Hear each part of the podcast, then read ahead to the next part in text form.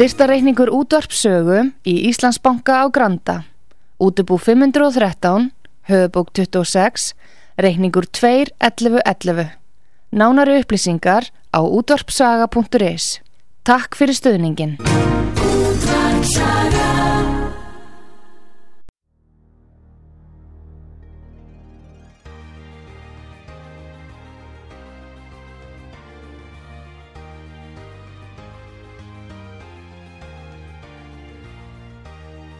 Heimsmálinn í umsjón Artrúðar Karlsdóttur.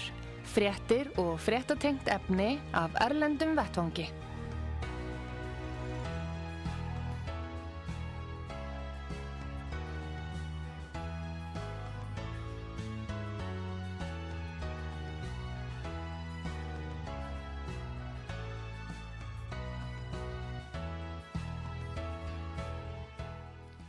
Já, komið þér sæl, eh, Artrúð Kallstóttir heilsar ykkur og í heimsmálunum í dag eh, þá ætla ég að tala við Haug Haugsson, eh, frettabann í Rúslandi.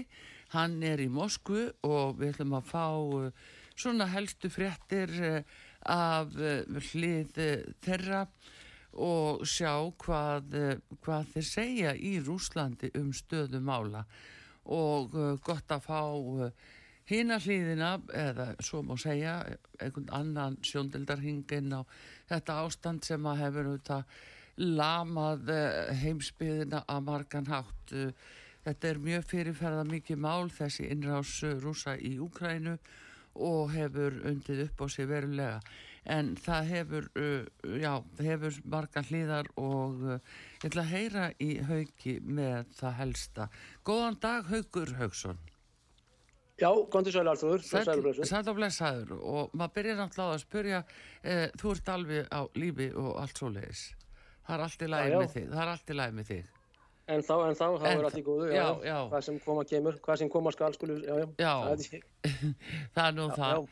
en hérna, núna ég ætla svona að ræða við þið haugur svona mm. með svolítið heldin á þessu og fara honni í ymsa hluti eins og aðkomu já, bandaríkjana að þessu máli og þá stöðu uh, hvort að stríst átökin sé að færast til millir landsluta og síðan er það Erdogan og, og þessi ákvörðun hans að samþykja uh, aðild svíja NATO og uh, þrátt fyrir að tyrkneska þingi sé ekki sammála og hvernig þú sér það og þessi samskipti en við byrjum á því að það voru át, árásir frá rúsum í Odessa í nóttu bæði með eldflugum og, og drónum.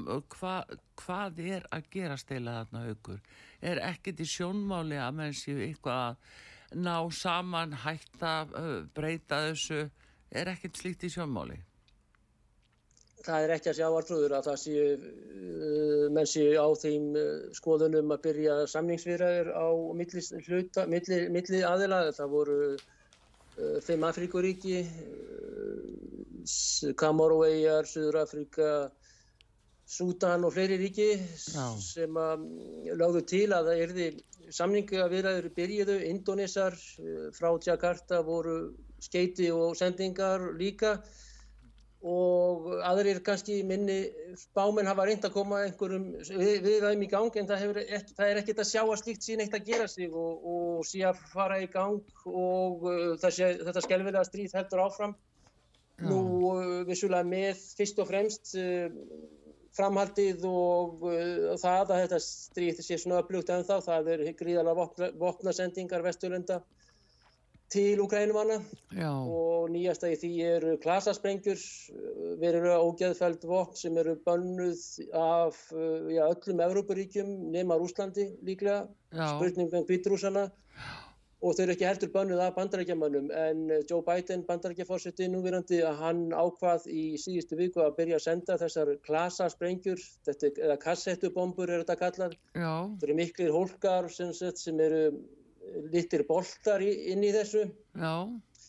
Eh, Morgunblæði einhvern veginn var að gera romantík út af þessum viðbjóðsluðu drápsvopnum og kalluðu þetta litlu bolta eitthvað líkfeng eitthvað slíkt og mjög enginlega blæðamennska þar. En allavega mm. Kristján vinnu minn að uh, sem sagt, þetta er eins og litlir ananasbitar inn í og þúsund ananas, ananasstykki inn í miklum hólki og þau sprengja kannski 100 metrum fyrir ofan jörðina og, og dreifast yfir gríðilegt svæði og þá fara þessar litlu kassettur að þær springja, springja alveg í tætlur og valda mjög miklu mannfalli meðal allra sem að fyrir verða. Já. Það er að segja, sem sagt, Hermanna sjálfsög og þá er þetta gert gegn landgönguliði og, og þess aftar og svo meðal óbreytra en uh, það sem að bæði Joe Biden og Joseph uh, Jake Jakob, Jake Sullivan, Jakob Sullivan uh, þeir sagðu að úgrænumenn hefðu skrifað undir plögg þess efnis að þetta yrði ekki breytt þessum klassaspengjum eða kassveitubombum yrði ekki beitt gegn hérna þessum afar skemmtilegu vopnum sem að hefur bannar eins og ég segi gegn fólki og óbreytum og þess aftar. En Já. síðan það sem að svar rúsana næsta dag það er að Sergei Sjægú sem er vartanmálar á þeirra Rúslands hann alltaf kom í sjónvarpi og var spurður af þessu og þá segir Sjægú að rúsar eigi miklu öfluri klassarsprengjurs og kassettubombur og þeir muni taka þær fram úr hinnum huldu skápum sem að rúsar hef ekki notað mjög lengi. Já. Og eins og ég sagði þá er þetta ekki bannað hjá rúsum heldur, ekki hjá bandarækjumannum mjög öflutt vopn og, og, og geðfælt og að rúsar muni þá byrja að senda þetta á výstöðunar og auka þá enn á hér gríðala mannfall sem er meðal Já. hermana úgrænumanna. En þetta mun auka, þessar klasaspengir mun auka, auka döðra ungra manna frá begja hálfu Já. og auk þess eru menn hætta, hætta því að úgrænumenn haldi áfram að skjóta inn á óbreytta borgara í Donetsk og Lugansk og jafnvel inn í Rúsland. Já, austurlutanum. Sveitirna. En hérna... Uh, aðeins stöldur við þessa klassasprengjur það hefur nú lengst að verið talað um jarðsprengjur þetta er ekki alveg að sama eða hvað? Nei, jarðsprengjur eru settar þá oft ef að strandhögg uh, eða reyt svo kallað af sjó er gert af uh, og í uh, Normandi náttúrulega á þessum svæðum þá eru grafnar niður jarðsprengjur gegn mannabla, gegn landgöngulíði og einnig gegn uh, skriðdregum og eh, brinn, brinnvörðum aukutækjum og þetta eru mjög öfluga sprengjur. Og þær eru grafnar svona 30-40 cm ofan í jörðina þessar jarðsprengjur, það eru mismyndi stærðir á þeim og gegn mannabla og það eru þá líkar í þessum með sprengjubrótum og svo til þess að komast í gegnum undir brinnvagnin á, á skriðdregum og öðru. En þetta er varpað úr, það er loft, gegn, úr lofti sem sagt, mm. úr flugfari eða úr, spreng, úr stórskotaliði þar að segja úr artilleri, úr, úr stórskotaliði er hægt að senda þetta langa leiðir eða úr flugfari, þá er hægt að senda þetta niður. Það springja þess að 200 metra, 100 metra yfir jörðu og dreifast yfir mikið svæði heil reglíf sem að dreifist alveg yfir stó, stólan radíusir eftir að sagt. Já. og síðan springa þær kannski, já bara á jörðinni yfir jörðina og svona kannski 3-4 metrum yfir jörðinni til þess að komast yfir inn í sem mesta líkamsparta á þessum gríðalega, á því, því magni hermana sem er hægt að drepa með ótrúlega effektífum hætti eða örkumla og það örkumlast í þessu kannski tvisasunum fleiri. En deyja, deyja þá kannski eh, þúsund og drep, deyja þúsund og örkumlast uh, 200 já, þannig að en, já, það, það er eðlismunur á þessum klassasprengjum og jarðsprengjum já, en maður tók samt eftir því haugur að úkrænumenni voru ekki ánæður að fá þessa klassasprengjur og þessa sendingu. Þetta var ekki það sem þeir voru að byggja um. En þá saði bætin að það væri bara ekki þrættingin hannu vopn Hann sagði það, hann er spurður að þessu, maðurinn er kannski óviðbúin þessu spurningu og bandarinski blaman að þeir geta kallað langa leiðir 20 metra að fórsitanum og þá svarar hann stundum og stundum ekki. Ef hann er stattur, hann var að fara um borði þyrlu þegar þetta gerist Já. og uh, hann svarar they, eða we, uh, frekar, we are out of ammunitions. Það er að segja að við erum orðinir án skotfaralausir, við erum orðin, orðin, orðin skotfaralaus eða skotfaralausir, þá erum við að tala um sig og úgrænumennu það. Og þetta er alltaf mjög merkileg, Artur, þetta er merkileg uh, tilvittnun í Jósef Bætin, junior.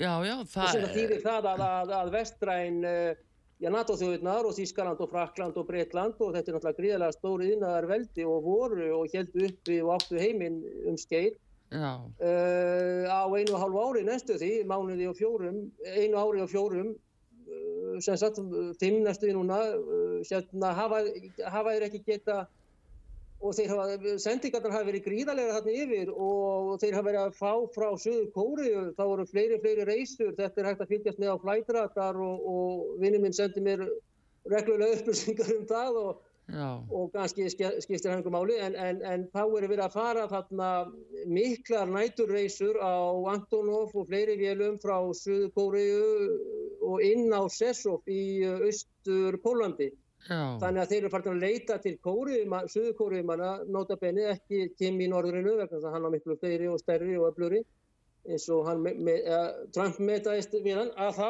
er Suðu Kóriu farin að hlaupundi bakka og í sambandi við Suðu Kóri og þá sagði Medvedev ok, ég var til þarna í Seúl ætti að hjálpa þeim, þá munum við bara hjálpa Pyongyang, eh, fólkinu í Pyongyang sem eru höfuborg eh, Norður Kóri og hjálpa þeim að fá fleiri öflur í stærri þeir eiga ná að þessu flaugar til þess að rústa Suður Kóri eftir kjarnlöku styrjaldar kemur. Já. og í leiðinni 45.000 bandariskum hermunum í fleiri fleiri herstöðum í Suður Kóri Þannig að þetta er, þetta er mjög eh, áhugaverð viðurkenning eða opnun eða útkoma að hann komi út úr skápnum Joe Biden með það, þá staðrind að bara we are out of ammunition og þetta er bein tilvöknin á ennsku í fórsetta bandaríkina. Já, maður tók eftir þessu sko þetta vekunabla aðtegli að því að nú má segja svo svíjar, nú er þetta mjög stór útlunningsgrein hjá þeim, það er vopnaframlýsland þannig að uh, maður svona skilur ekki ákverðir eru bara að fara að setja þetta, þetta í umferð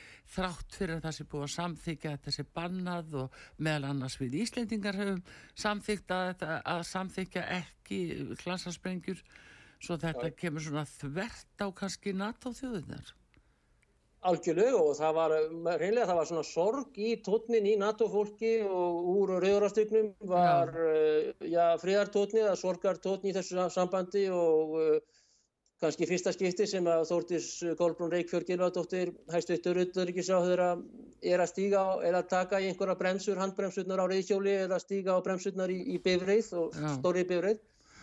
Það er það að hún segði að þessar spengjur fær ekki gegnum hérna stóru íslensku lofthelgi og, og eftir vill er það og vafalust er það framfara spór en þetta er það viðbjörnslega þessi vopn og, og og þetta er nýtt stig, þetta er nýr fasi í þessum átökum þegar menn eru að koma með fleiri og öfluri og, og þessi vopn sem almennt eru hérna fordæmt, klassarsprengjur eða kassetubombur og uh, Evropasambandið og NATO-ríkinu öll nema Joe Biden uh, og hann var svona átt báðum áttum og Sullivan er kannski meiri harður í þessum öllum og, og, og Anthony Blinken að það var svona mannlegu tótni í þessu hjá Joe Biden má segja og náttúrþauðnar þær hörmuðu þetta mjög og, og það er ákveðin hérna, já þróskamerki kannski að mínumæti ákveðin leiti og, og þá er spjótum hérna beint líka að uh, vinstri hefingunni græni frambóði og formanni þess, þessara hefinga og, og en þetta er bara það óskemmtilega vokk þessar klassasprengjur og sem betur fyrir eftirvill að þá er maður hættur að fara að það niður þér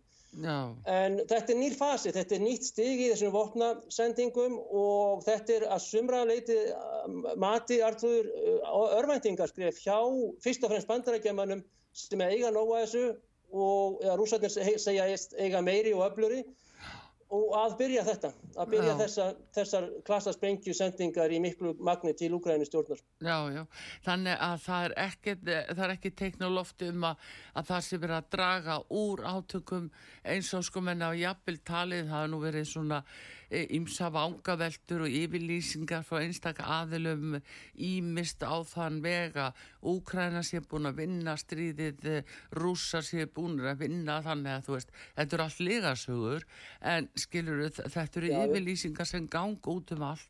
En staðrendin er sem sagt þessi að þetta er að stigmagnast til hins verra Algjörlega, það er rétt að þér og það er þessar nýjastu klassasprengjussendingar sem voru ákveðnar af Joe Biden undir formæningu Evrópunatu þjóðuna og veitna ekki með Trudeau í Ottawa í, í Föðuborg Kanada.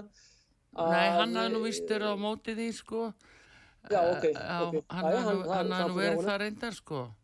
Já, já, já, að þetta er hérna stigmögnun í því og fyrst og fremst þetta er örvæntingar stig, já, hljóð í þessu eins og Biden segir að þeirra skotverju sé að klárast og uppurinn og Suður Kóri að þurfa að hjálpa þeim sem er hínum einu og hettunum að e, þá er það ákveð örvæntingamerki en, en það er ekki að sjá að skotværi sé að klárast hjá rúsum Uh, allavega ennþá og, og þetta er nýtt stig vissulega í átökunum og næsta stig hérðan í frá eru F16 fyrir ekki, F15 er eða þessar bandarísku vilar sem að rúsa segja reyndar að séu mun lagari, Sukhoi, Ilyushin, hérna Mík, þóttunum og þetta hjá þeim Já. að þær fari í stóru magniðarni yfir, þeir hafa sendt núna panserana, þar að segja þýsku leopardskritrikana sem hafa ekki skipt sköpum enga veginn eða brallegarnir eða Abrahams, bresku og bandarísku dreikarnir og uh, næsta stík þá myndi vera einhvers mínu kjarnokkursprengur sem að, sem að er, er uh, það eru náttúrulega enn en, en eitt báráttustíð eða, eða hærra stík á þessum átökum. Já. en uh, það sem að þú þarna með, með sigrana það, það, já Já, já, menn eru svona í einhverjum stellingum og fara að lýsa einhverju yfir og það æsa það upp sko, þannig að það er umverulega engin, það er engin að vinna, það, haugur, það er, er það ekki nokkuð ljóst, það er, þetta er bara skelvili alvarleg staða sem er uppi því að þú sér sko átökinn í nótt, það er þessi sko í Odessa og það, þarna er, sko síðan er það Árásin og Brunna og Krímska, þú veist þetta er þetta er ekkert að þessu er ekki að linna. Nei, nei, nei, nei og varandi sem sagt Sigur og Sigur að menn séu Sigur Eivir og yfirlýsingar að þá uh, ég held að NATO-fundurinn í Vilnius hann hafi verið ákveðið tímamörk og þáttaskil eftir í Lísu sem að var núna miðsumars að segja tíunda í byrjun síðustu viku. Já Og fyrir þann fund að þá í 2-3 mánuði það var búið að auglýsa mjög vel og um, tilkynna hérna miklu gagnsókn úkrænumanna inn á niður á Grímskaga og inn í þau svæði sem að rússar hafa tegur hertekið í suð-östur Úkrænu og Donbass svæðinu. En það hefur borki genginni rikið og þeir hafa, rússar hafa notað, þetta er, reynlega er þetta skotgrafar hernaður, ótrúlega að segja það, þetta er skotgrafar hernaður svona ala eða eins og heimstjórninn fyrri. Þetta er svona mm. eins og í hérna, Verdun og, og Bresk eh, eða fransk-þísku landamærinum og svo uh, rúsnesk, pólsk, þísku landamærinum, Östurík, Jungvarland, allt þetta Já. í fyrri heimstjórn sem er 1914 til 1918 þannig að það er rúm 100 ár síðan og, og en auðvitað eru flugherir eru komnir, þeir voru rétt að byrja í þann tíð Já. Þannig að þessi gagsókn sem að þurfti og átt að vera fyrir meiri styr, styrkingu í Úkrænu, ekki síst móralskri, hún hefur ekki skílað árangri, reyndar eru áhöld uh, um einhverja línur, þetta stendur mjög mikið í stað og hún hefur ekki skílað árangri. Og þeir þurftu að sína NATO-fundunum í Vilnius uh, árangur til þess að fá meiri uh, stuðning, styrk, peninga og annað og móralskan styrk og þar á þeim fundi er þeim neitað eða kurtislega ekki vísa á dýr, dýr það er fullt gróft sagt, þá um, hins vegar eru settir algjörlega fram í forstofu eða útistofu kalda uh, á meðan Visslan er í aðalstofunni í þeim ágæta söfniði sem að NATO er sem að er 31,5 ríki vegna þess að við komum kannski inn að þá eftir, nokkur nefnir 32 sem eru. Og, uh, en þeir hafa fórnað öllu úgrænum en núna Uh, þeir hafa fórnað nokkur hundru þúsund uh, ungumannum í, í alltariðstríðisins og þeir fá ekki lofvörð fyrir ingöngu korki í Európa-sambandið nýja NATO sem að þeir eru búin að fórna núna í já, allt þetta einu og hálfa ár og pluss uh, frá 2014 núna í nýja ár, rúm, já, til þess að komast inn í þennan vestrina klúb fína fólksins, ef að svo má segja, sem er ekkert neitt niðrandi að minni hálfu. En síðan er, er þeim vísaði á dyr eða fram í forstofu aftur þarna í Vilnius um daginn já. fyrir, eh, já, nákvæmlega í viku sem er náttúrulega greiðileg vonbreiði fyrir Selenski og hans uh, stjórn sérna, og stjórnina hans í kæningarni. Já, en það er einmitt stöldurum aðeins við þennan fundi Vilnius af því að nú mátti skilja á mönnum að já, Úkræna færi inn í NATO. Það er því gengið þannig frá málunum. Það er jafnvel einhver undan þá og svo framvegs. Þeir voru daldi dregnir Úkrænumennir á því að, að núna loksins fengið er að fara inn í NATO. En, en uh, það, það lítir út fyrir eins og þeir hafa sumuleiti verið sviknir vegna þess að, svo kemur að mitt bætin með þá yfirlýsingu nei, að sjálfsög er það ekki hægt af því það er yfirstandandi stríð. Og þá bara brýst út heimstyrjul það vita það náttúrulega allir. En það er eitthvað annað sem hefur búið að lofa þeim og þeir fara sko upplýsingalöysir heim af þessum fundi. Þetta er svolítið, uh, svolítið skrítið eh, Selenski baðum dagsetningar hann vildi dagsetningar. Katrin Jakobsdóttir tók undir það með honum og sagði stilja dagsetningar. En þá náttúrulega var þessu bara eitt. Já, já, já, engin svör.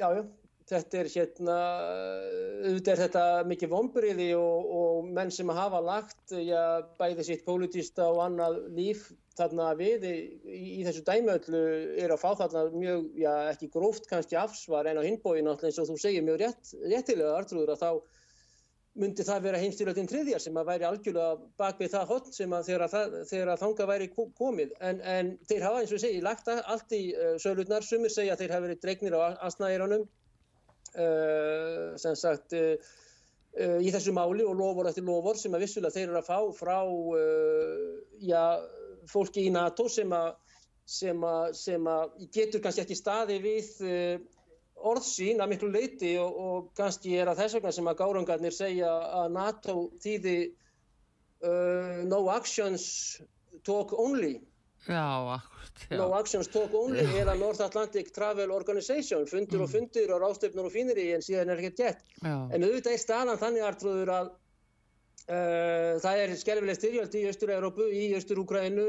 og já, nokkur neginn allir í Úkrænu og rússar er að bombardera þarna uh, alveg uh, út í vestrið að pólsku landamærunum og ennþá innan ungrænskra landamæra ekki á NATO-ríkið Pólandi eða, eða Rúmeníu sem eru þarna, já.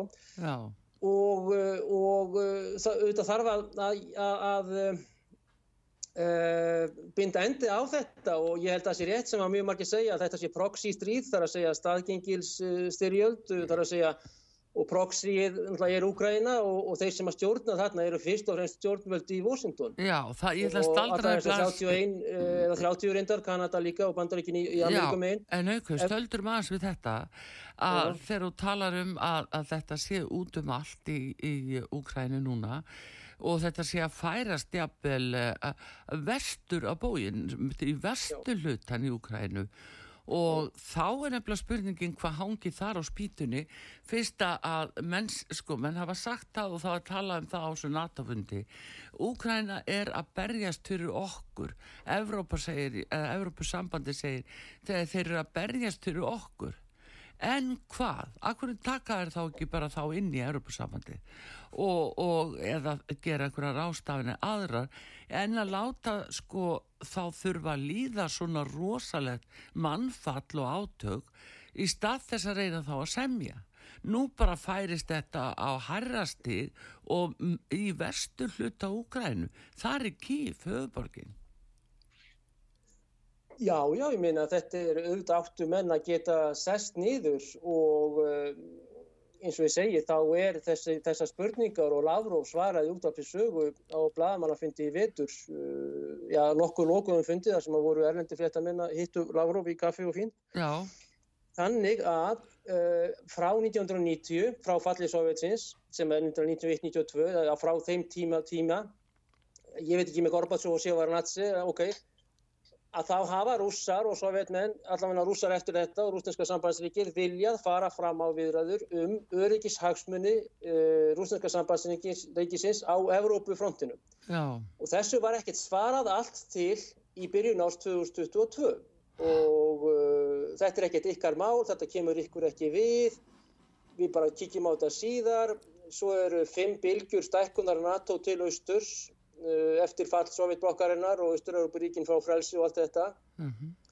án þess að nokkur sé tala við Lavrov eða, eða Putin uh, Putin alltaf kemur í strax árið 2000 í byrjun þess ár mm -hmm. án þess að sé nokkur tala við rússana í þeim viðræðin sem að þeir fyrst og fremst uh, fyrst fóruður fram á en síðar uh, kröfðust þeir við, viðræðina um þessi mál sem alltaf voru hundsað af, af uh, Blinken og bandarísku hérna, sem er náttúrulega afval aðal stjórnandi NATO náttúrulega að vita það allir er, er, er, er í Washington og Já.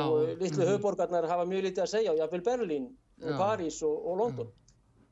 og ekki sérst hinnar minni, þannig að þetta er nokkur sem að menn verða að taka með í reikningin er eh, tímaspunktarnir í þessu stríði og það er allt og uh, billega sloppið frá sögurskoðun að við góðu þeir vondu og ljótikallin byrjaði þetta í lók februar 2022 vegna þess að svo sjá rússar náttúrulega 91, 90 þá voru Íraks stríðið, svo er Afganistan, svo er reynd að taka Sýrland og, og drepa Assad sem að dekst ekki, svo er Líbi rústa 2011 vorið þegar að samfélkingin ræður bæði utaríkis og forsætisráð þeirra ennbættinum eh, á Íslandi þannig að það er persónur ábyrð á, á, á álgjör í trakirtu í Norður-Európa, þetta var best hefnaða Norður-Afríku liðvöldi var Líbija og, og bæði sósiall og velmegun og, og ríkidæmi var skipt meðal fólksins og allt þetta Það er allt í rústar í dag haugur Allt í rúst, það er allt í rúst í Líbíu í dag. Já, það, eru þrælamarkaðir í Líbíu og það eru miljónir eftir miljónir eftir miljónir araba frá Líbíu og svo svartra, mikið svörtum líka í Líbíu mm. og svo frá sunnan Sahara svörtuafríku sem að fara bara í gegnum bandíta líðveldið Líbíu eða landið og líðveldið kannski erfitt að segja en republik, Jemahariya heitir það á arabísku, yfir til Ítalíu, Spánar, Greiklands og Eijarnar.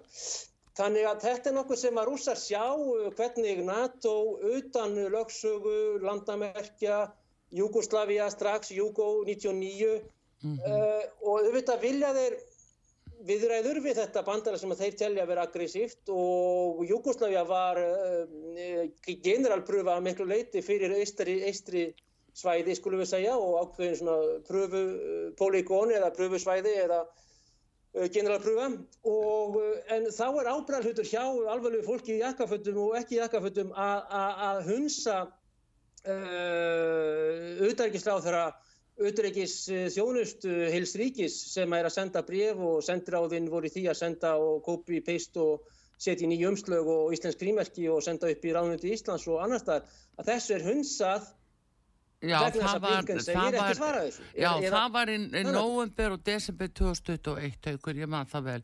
Við tölum um það þá og þeir svöruð ekki. Það var mjög skrítið en það var svona í aðdraðandunum. En aðeins ég mitt að því hvað vakir fyrir mönnum í þessu að núna eins og við erum að tala um að átökin er að færast vestur að Pólandi og já. þá er spurningin hvað er, hvað er á tekniborðinu þarna? Ég held að það sem sé að er á tekníbarinu það er það að, að uh, pólverjar þeir ætla sér uh, nokkur svæði í vestur Úkrænu og þetta mm. eru svæði sem að voru, sem að pólverjar ég og heldu allt fyrir 90 árum en það byrja eitthvað svoleiðis sem eru vestustu héröðum, það er Lvov, Ivano-Frankovsk, Lutsk, Rovno og Tjernopól. Þetta Já. eru héröð sem eru í Karpatafjöllum og þarna upp í vestasta part Úkrænu sem að pólverjar ætla sér að taka yfir aftur og þetta var draumur uh, Jósef uh, Pilsudskis sem að var uh, og er þjóðarhetja Pólans í dag og var marskálkur og annað til stóra, stóra Póland en þetta er hins vegar er Lvov er fallegasta borg Pólans eins og pólverjar sjálfur segir og þetta er borgin Lvov í, í vestur Úkrænu sem heitir Lvov líka á, á pólsku en Lviv á, á, á úkrænsku þannig þeir ætla sér þetta og það er nýlög sem að Silenski skrifar undir sem að eru nummer 7550 þess efnist að pólverjar og, og ráðamenn og lauruglumenn og herrmenn og aðrir hafi sama réttindi innan ukrainsku landamennar og í Pólandi og þetta samsitt sikir Selenski. Mm -hmm. Selenski hittir marg oft þá Andrzej Duda, fórsetta Pólans og um, Mattius Moravetski, fórsettisráð þeirra og hefur sagt á þeim blagamannafundum að uh, Póland pluss Ukraina eitt ríki eða Póland pluss Vestur Ukraina. Þannig að þetta er svona eins og á, í strætóskílum eða í mentarskóla það er nú einmitt þetta að, hérna, að er þetta gerast með samkómulagi og í, í bræðralagi upp á þér hafi stuðning eh, hver af öðrum eða uh, er þeirra stíla inn á að átökki hljóti að verða svo mikil að þeir neyðist til að gera þetta? Já, líklega eru þeirra pólverarnir og þeirri Varsja núna eru líklega því þeirra og pólski herin er mjög ört vaksandi og Vojska Polskov og eins og hann heitir að Polsku er mjög upplugt apparat og mikið vaksandi og þeir eru að koma sér núna upp einhverju 300 manna var, varaliði og varliði Já. og vantilega er þetta til þess og svo er náttúrulega Katholska kirkjan og Vatikan er í mjög góðum tengslu við Varsja og stjórnvöld þar mm -hmm. að planið er þá að vernda þá katholsku íbúa uh, vestur Úkrænu sem að eru og taka þá undir pólskan vendavæng og þetta er eftirvill og líklega tímaspurning hvernig af þessu verður og hvernig þetta endar með þeim, þeim hætti. Já, en þá erum við að sjá það, Haugur, að, að þá er þessi hluti í Úgrænu orðin pólskur í raunni þá bara undir NATO vernd. Já, þetta er einmitt Artur, þetta er einmitt það sem ég ætla að koma inn á vegna mm. þess að, að pólverðarnir geta gert þetta einir og farið í þetta verkefni án þess að vera undir einhverjum NATO stjórnstöð eða vendarvæng eða fymtugreininni eða slikt. Já. Það er mjög merkilegt, lögfræðilega dæmi. Já. Þeir geta sett bara eins og Putin segir uh, SMO, Special Military Operation eða já, á einsku þýðingu og þá geta þeir í vars að skrifa undir lög þess efnist, seimið sem er þeirra þingmundi samþykja þau lög Já. Og þá fara þeir í sér hernaðar að gera eða sér lauruglu að gera eða hvað sem þeir myndu bara police operation eða military. Já. í því augnamiði eins og bandarækjumenn hafa margóft gert um viðan völl um alla, alla heimsbyðina að vernda bandaríska stjórn, stú, túrista, stjórnmálamenn, diplomata eða, eða stúdenta í Panama og Grenada og hingað þonga og þá myndu þeir senda svo kallar fríðargestu lið án allra saminni þjóða, án allra NATO-manna og, og ráð, ráð þetta. En vissulega vafarust með stuðningi þeirra í Washington, þeir fara ekkert að spurja Brussel. Það er svolítið kallt líka þar á milli. Þannig að, þannig að þetta er nokkuð sem að Þetta getur út að þeir geta gert þetta í Pólandi eh, sem sagt í sam, samkominlagi við Úkrænumennina og þá er þeir búin að taka þennan vestasta hluta eh, Úkrænu út úr stríðinu Já, já, vissulega, vissulega. En svo er spurning hvernig rúsa myndu, myndu bekina það, það samkómulag. Ég held að þessi leini samkómulag og minn hittist á kaffihúsum og annar staðar, sérstaklega í Washington og kannski í Varsjá líka við rúsneska diplomata og menn eru farnir að ræða hvernig þetta geti endað. Já. En hvað var það til lögfræðilíðinu artrúður að þá uh, er það þannig að Krím var alltaf Autonomous Republic innan uh, USSR sem að voru soviska Úgræna og svo líka innan Ukrainian Republika.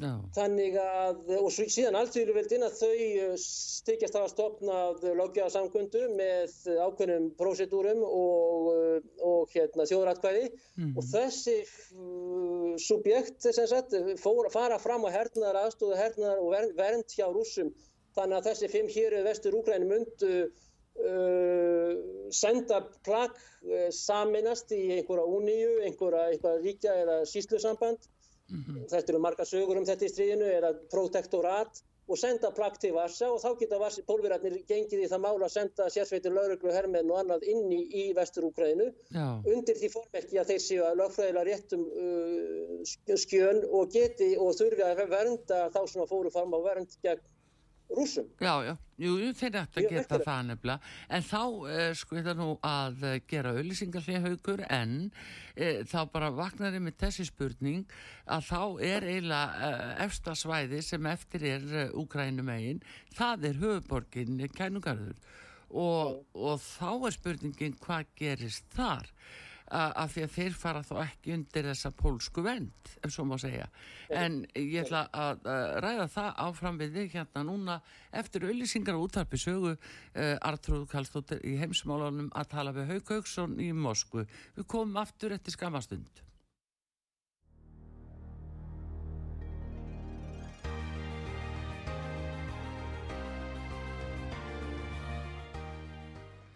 Komið þið sæl aftur heimsmálinu útvarpi sögu. Artrúð Kallstóttir að tala við Hauk Hauksson í Moskvu. Við vorum að tala það núna uh, fyrir hlið að uh, það er þá kænugarður eða kýf sem að aðtiklinn beinist að uh, ef að það verður að veruleika að Pólandi taki yfir vestasta hlutan í Úkrænu og þar á meðal borgina líf eins og þekkjum. Og það verður þá bara rúsnest land en, en uh, höfuborgin aftur á móti kænugarður uh, verður aldrei berskjaldað hvað þetta varðar haukur og þá spyr maður uh, svona ef við nú lítið á gamalt kort af þessu svæði þá var það Kvítarúsland og, og Vesturúkræna sem að herði undir Póland, þetta var sama dæmil þannig að hver er þá staðan gagvart Kvítarúslandi þannig núna? Já, já, Póland var mikið veldi og pólverjar eh, þeir eh, ná Moskvu á tímabili á samt Litáum sem voru líka mikið rittaraveldi og þetta er á, á miðöldum og, og þá var vissulega Kvítar Úsland eh, þar inni eins og að leggur sig núna sem að mm.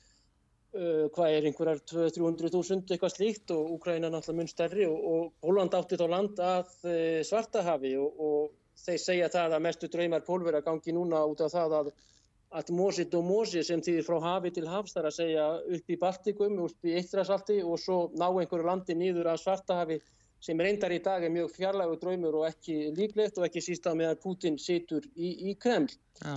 En beinta þinni spurningu er trúður að þá og pólverið sátu um Kreml og tóku Kreml einhvern tíma en þá er Minskir höfuborg Kvítar Úslands og það er mjög stutt sem sagt frá uh, Kíf, uh, kænugarði yfir til Kvítar Úslands Þetta eru einhverju 200 kílometrar kannski, 150 í loftlínu eitthvað slíkt. Já.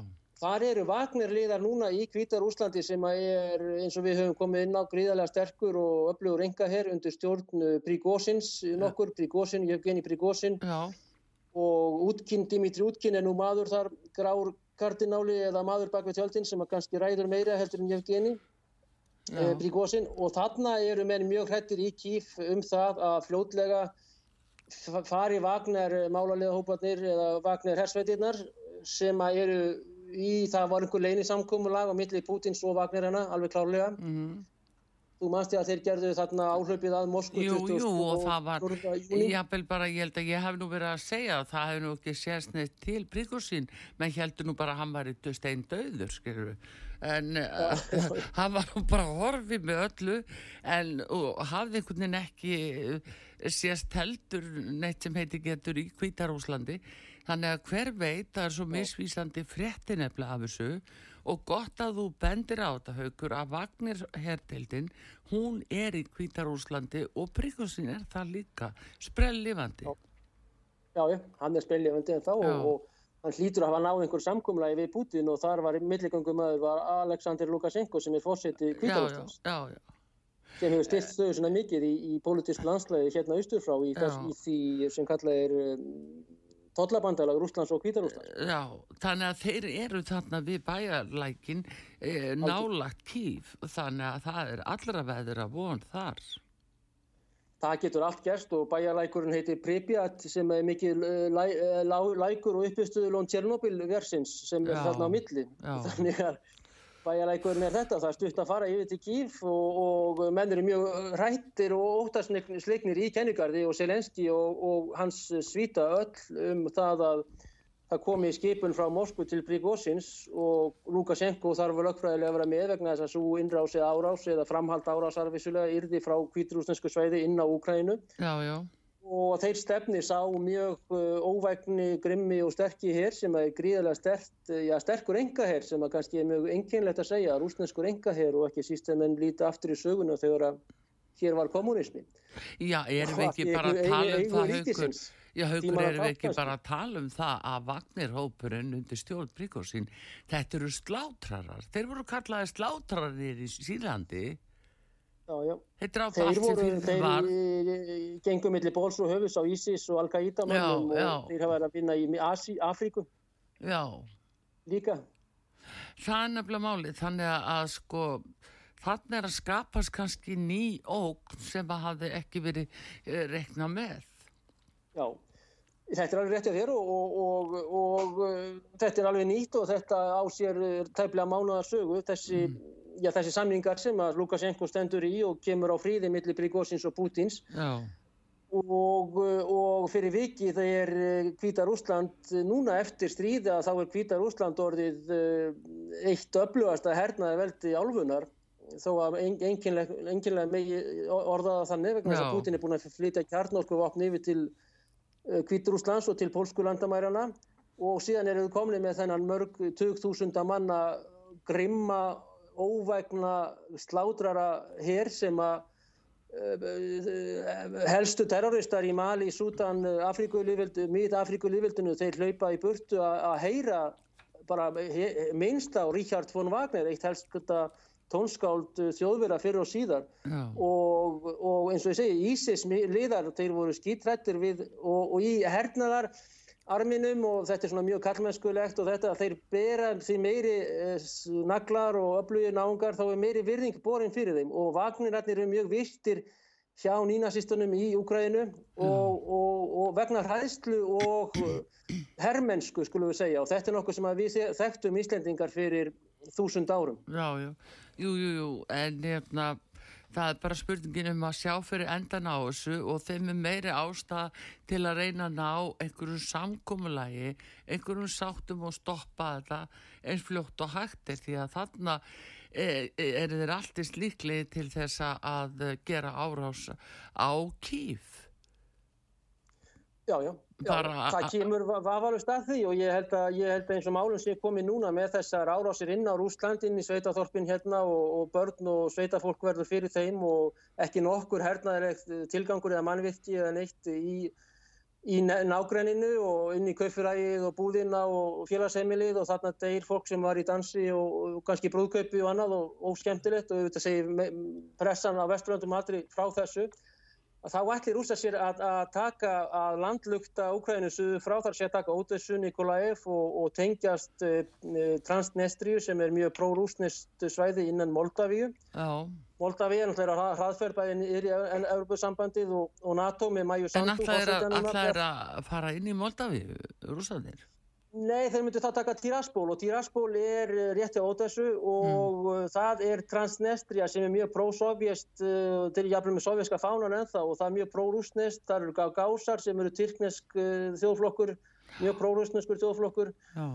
það er eitthvað muslimum og þessi svona grautur eins og er í, á Balkan og þessu svæði, mm -hmm. þjóða saminning og þjóða þetta og síðan taka Ódessu og síðan skipta til yfir þarna fimm héröðunum sem að verða, eru oblöst en verða vojevodinur innan uh, pólska sespospolita eða réttspospolita og en það er eitt allt sem égselt sem er mjög, mjög, mjög, mjög mikilvægt það er það að í heiminum núna þá eru þrjú valda center eða center of power eða, eða valda miðstöðvar Já. og það er náttúrulega bandaríkinn, það er síðan er að Rúsland og svo Kína og, að, og ef viðræður fari í gang uh, þá verður að Moskva við Washington um framtíð Úgrænu mm. og Biden vill komast að samkúmalagi fyrir mars að því að talið er 2024, allan að fyrir sumarið og voruð 2024 vegna þess að Joe Joseph uh, Biden junior uh, ætla sér aftur að verða fórseti bandaríkjana fyrir já. kostningar sem verða 2024 í nógumber. Í nógumber 2024, Hann mun fórna Selenski, Artur, hann mun fórna Selenski og, og Gulepa og, og þessum vinum í stendinga. Já, þú segir það. En sko þá ætlar hann að vera maðurinn sem að samti stoppaði stríðið og þannig þessuna fólki að kjósa hann. Já, og ákostnað Selenski og, og Gulepa og fleirum.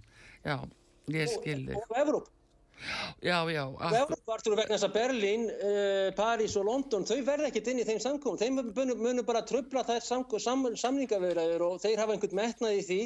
En þarna eru Blinken og Biden að mínum mati og margar sérfræðingar hér eistra uh, og einhver hefur kannski eitthvað fyrir sér í þessu hefur verið með á einhverju kaffihúsinu og annað já. að draga línur uh, kænugarður eða ekki kænugarður fimm pólsku héröðin Ungverjar eru sterkir upp í Karpatafjöllum, Slovakarnir eru þarna við Úskorót og þar Já. og svo eru Rúmenar og Síkvinar þarna líka á þessu svæði. Já. Þannig að það sem eftir verður á Úkrænu, uh, ég held alveg klárt mála að Úkræna verður aldrei sem var, aldrei sem var þegar hún fær frelsi 92 frá Sovjetríkunum.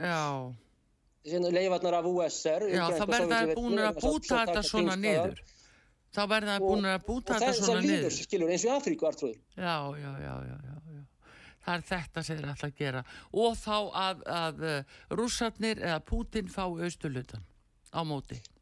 Já, og þá, þá er það bara spurning hversu langt það verður og hvort að kvíturósarnir uh, ofinbela mjög ólíklegt en hvort þeir fá einhverja bytlinga út af þeirri gríðilegu hjálp og sem að þeir veittur rússunum bæði í uppafistriðsins og svo núna í framhaldinu, þá er það spurning. En, eh, en það, þau hér sem er austast í Úkrænu og ef maður sér landakort hvað var þar eh, kostningar á eh, þeim sem voru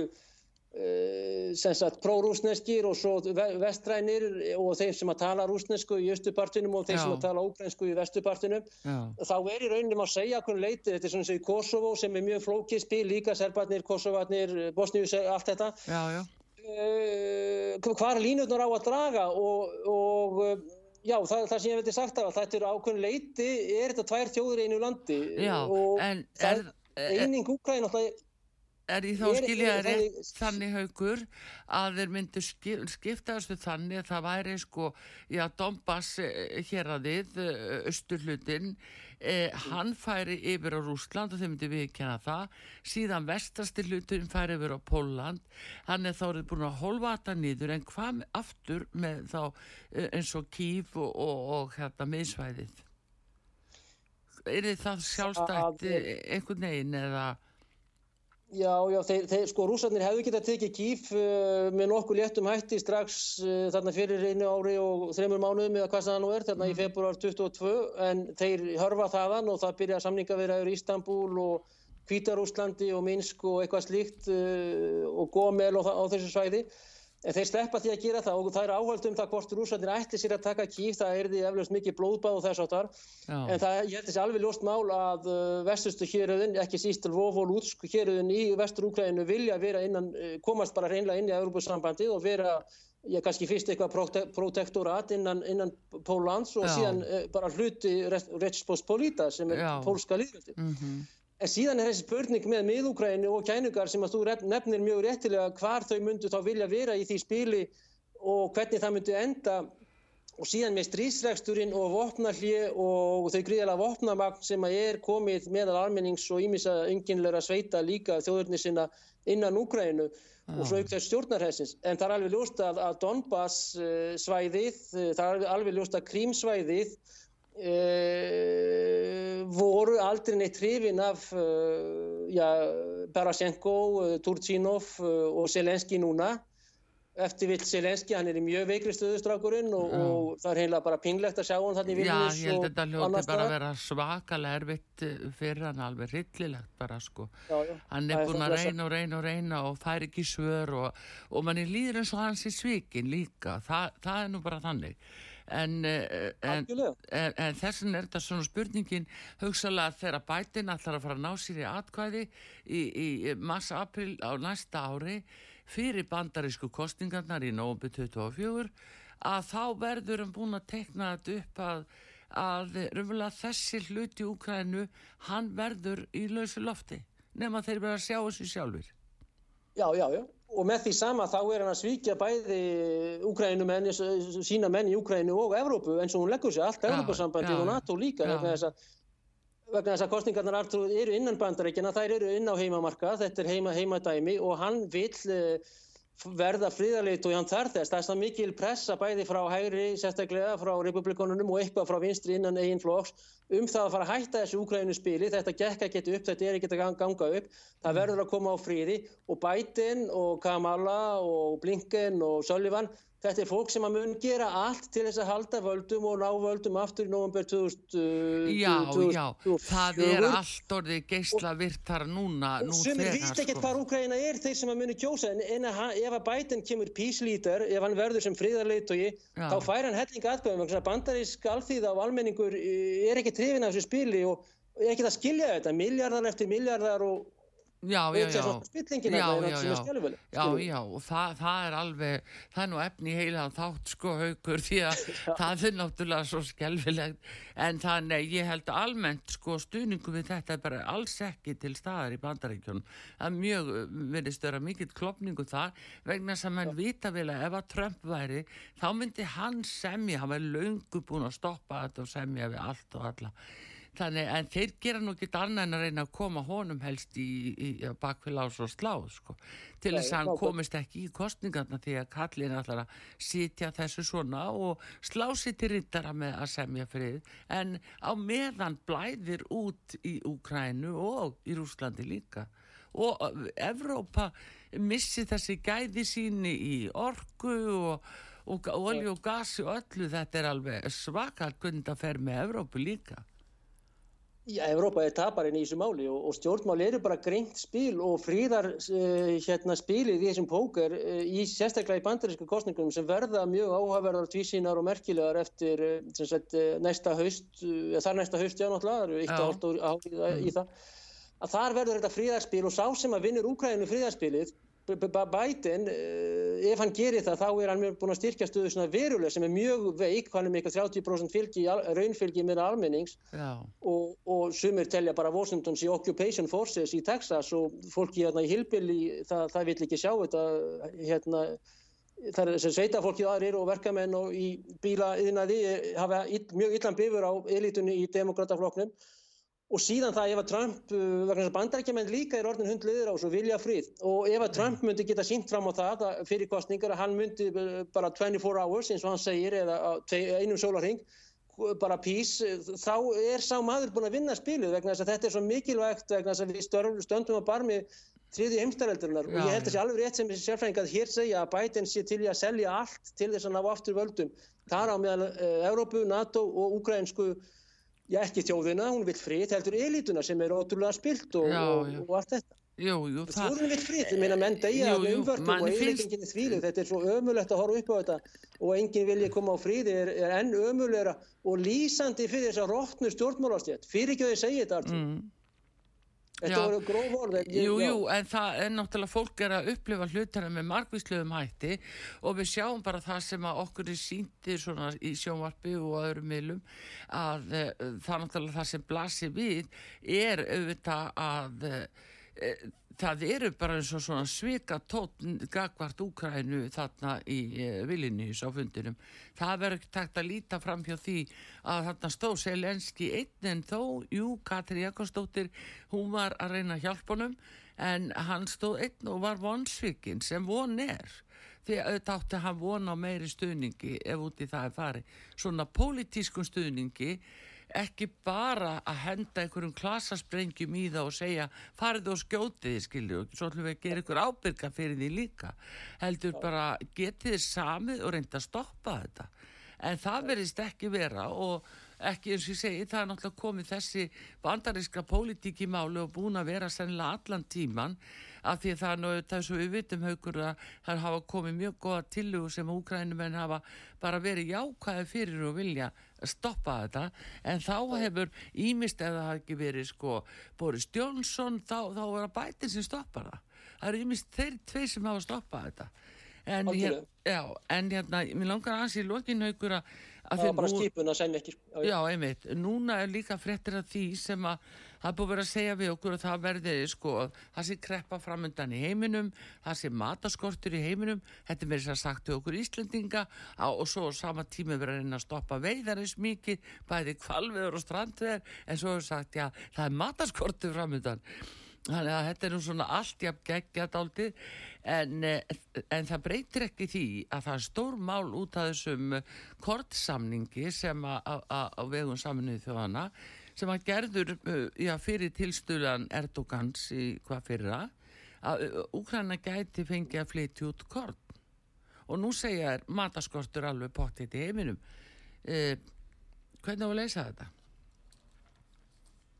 Já, rúsar hafa sagt sig frá þessum kortsamlingi sem er gekk út á það að uh, það yrði uh, leift kort, eða þeir myndu sem sagt hleypa skipum frá Odessa, þannig að þeir náttúrulega með herstskip þarna í Svartahefinu, Norðanverðu öllu og núna eftir þessa sprengjuárás á um, brúna, kertsbrúna þá hafa rúsa sagt sig frá þessu vegna þess að það var uh, skip sem að fór þarna uh, inn til Ódessu og með, uh, þeir segja að hergögn sé flutt sem sagt með þessum flutningarskipum sem að síðan fara fulla kortni tilbaka sem að vissulega er, uh, er hérna brota kortsamningunum en uh, þeir segja núna að það hafi skip verið uh, sem sagt uh, í uh, að fara frá hérna yfir upp, upp svartahafið og frá þessu skipi hafi þessi breski já, tundur dubli eða neðansjáðar dróni sem að, sem að var skotið þarna að 17. á, á brúna frá já. þessu skipi sem að, og dræknin er eitthvað 500 kílometrar og þannig rúst Sig, þeir segja sagt, að, að þessi skip sem að flytja, flytja herrgögn og skjóti á brúna reynverlega þetta tilvittnin í rúsana og þess vegna hafa þeir sagt sig frá þessu kortn samkvömmalagi sem átti allavega að vera fyrir Afríku og sérstaklega Afríkuríki, eitthvað í Asi, Bangladesh kannski og fleiri. Fátakastu ríki heims til þess að þau fengju kortn og Putin var búin að gefa þá yfirlýsingu að þeir myndu gefa fleiri túsund tonna ton af korli til Afríkuríkjana en síðan segja þeir að þegar til kemur að þessir vestrænu skip sem eru skráði í Líberíu, Hongkong og, og, og á einhverjum eigum hingað á þangan farið mest, mest megnist með þetta korn til ríkra uh, ríkja í vestur uh, Evrópu Já. og það var frett þess efnis að svínafóður á Spáni það væri úr þessu úgrænska korni sem að væri flutt sem átt að fara til Zimbabwe eða eitthvað slíkt. Já, já, já. Þannig að rúsa segist að það var sönnum fyrir því að það sé svikið þessu kortsamkómulagi sem að, sem að bæði Antonio Guterres, uh, aðalrítari saminnið þjóðana og eins og þú segir Erdogan stóðu fyrir og þessi hérna, viðræður voru í Ístanbul, mm. að rúsar hafa sagt sig frá þessu núna í gær vegna þessara sprengja árásar sem hafa gerð á, á brúna yfir til Krím yfir Kerts sund uh, sem sagt núna í, í fyrradag. Já.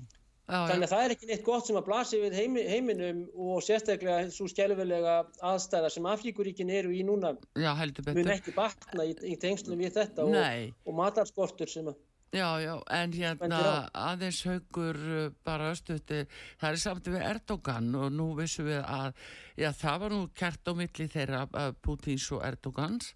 Nú aftur á móti mætti Erdogan á NATO-fundin og saði þeim að hann þá talaðum um sko sinnaskipti allt í hennu.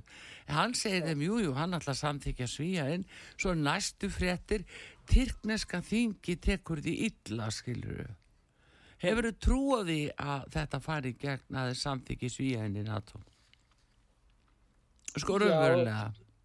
Já, já, já, já. Náttúrulega Medjilís er, er eh, þing Tyrklands og uh, það er ekki allir þar á eitt sáttur um það að taka svíja inn, ekki síst eftir koronabrennurnar sem hafa átt sér stað í, í Svíjaríki síðustu vikurnar og mánuðina og allt þetta. Já og Erdogan alltaf er mjög mikið átóritið í öllu Tyrklandi og mjög sterkur leiðtogi fyrir Tyrki og stór Tyrki og þá sem vilja aftur Ottoman og þetta. Og, og hann getur vafalust komið því gegna með Medjilísið í Ankara samþekki yngumut svíja en Ég hugsa að hann muni, hann segir þetta í Vilnius, já. Uh, ég hugsa að hann muni höndla þetta með þetta, hann er góður tyrknarsku bílasæli sem að þú pankar hvað bílinni kerður mikið, mikið. Já, já, en, en það er annars höggur, sko. Hann er kerður eins mikið og þú vilt, segja. Já, en sjáðu, hann er náttúrulega, það er opbosli verðbólka í, í uh, Tyrklandi, þeir eru náttúrulega láta hann hafa hellingspeninga fyrir þetta og sumi segja nú meira segja að, að bætin hafi nú múta á hann með einhverju ávísun ég veit nú ekki hvort að það er satt en, en allavega þarf hann á þessum fjárhastlega stöðningi halda en það verður alltaf tyrkniska þingi sem segir síðast orðið. Og ef að þeir eru ekki að taka þessu? Það getur, gæti alveg farið svo vegna þess að flokkar sem eru muslimskir og islamskir og, og, og þjóðarnisinnaðir og vilja vera meiri islamistar og annað en Erdogan sjálfur að þeir eru mjög sterkir og vaksandi fylgi í Metsilísinu á tyrkneska þinginu í, í Ankara þannig að það getur allt, allt gerst í því efni og, og, og eins og sumir segja þá er að í, í sænska ríkstaknum, ríkstakn kurder fór þálgu eða kurder, kurd, kurdar til sölu já, já. og það kurdar til sölu til Tyrklands til, til að því að kurdar og. Tyrkir eru svarnir óvinnir þar að segja á sænsku kurdar til sölu. Já, þetta er náttúrulega bara mjög dæmigert fyrir þessa stjórnmál og þessi, þessi, þessi hrossarkaup sem eru í NATO og öllum, öllum výstöðum og, og vissulega er pólitík eh, mjög eh, grimm, grimmur hlutur og, og þeir sem ætla að lifa af að þeir eru grimmastir í, í mannheimum og pólitík og frumskóinum og, og eins og ég segja en Erdogan ætlar að hitta Putin núna fljótlega og hann sveik Putin reynda núna fyrir mjög stuttum með því að láta lausa fóringja í Asov sveitunum sem að voru já, já. í Asov stál stálsmiðunni í, í Mariupol það fór mjög mjög illa í Putin vegna þess að þetta var lofvorð og hann tekist uh, segir það að hægt sé að treysta Erdogan. Erdogan er sant, sannur sant kallmenni þetta er svona frasa frá Putin sem hann breytir það kannski núna en Erdogan er mjög já, komur að segja, færi pólítikus og, jú, jú, og hann vann þessar kostningar það og hefur nú samt haugur sko, slegið í brín á milli þeirra áður og,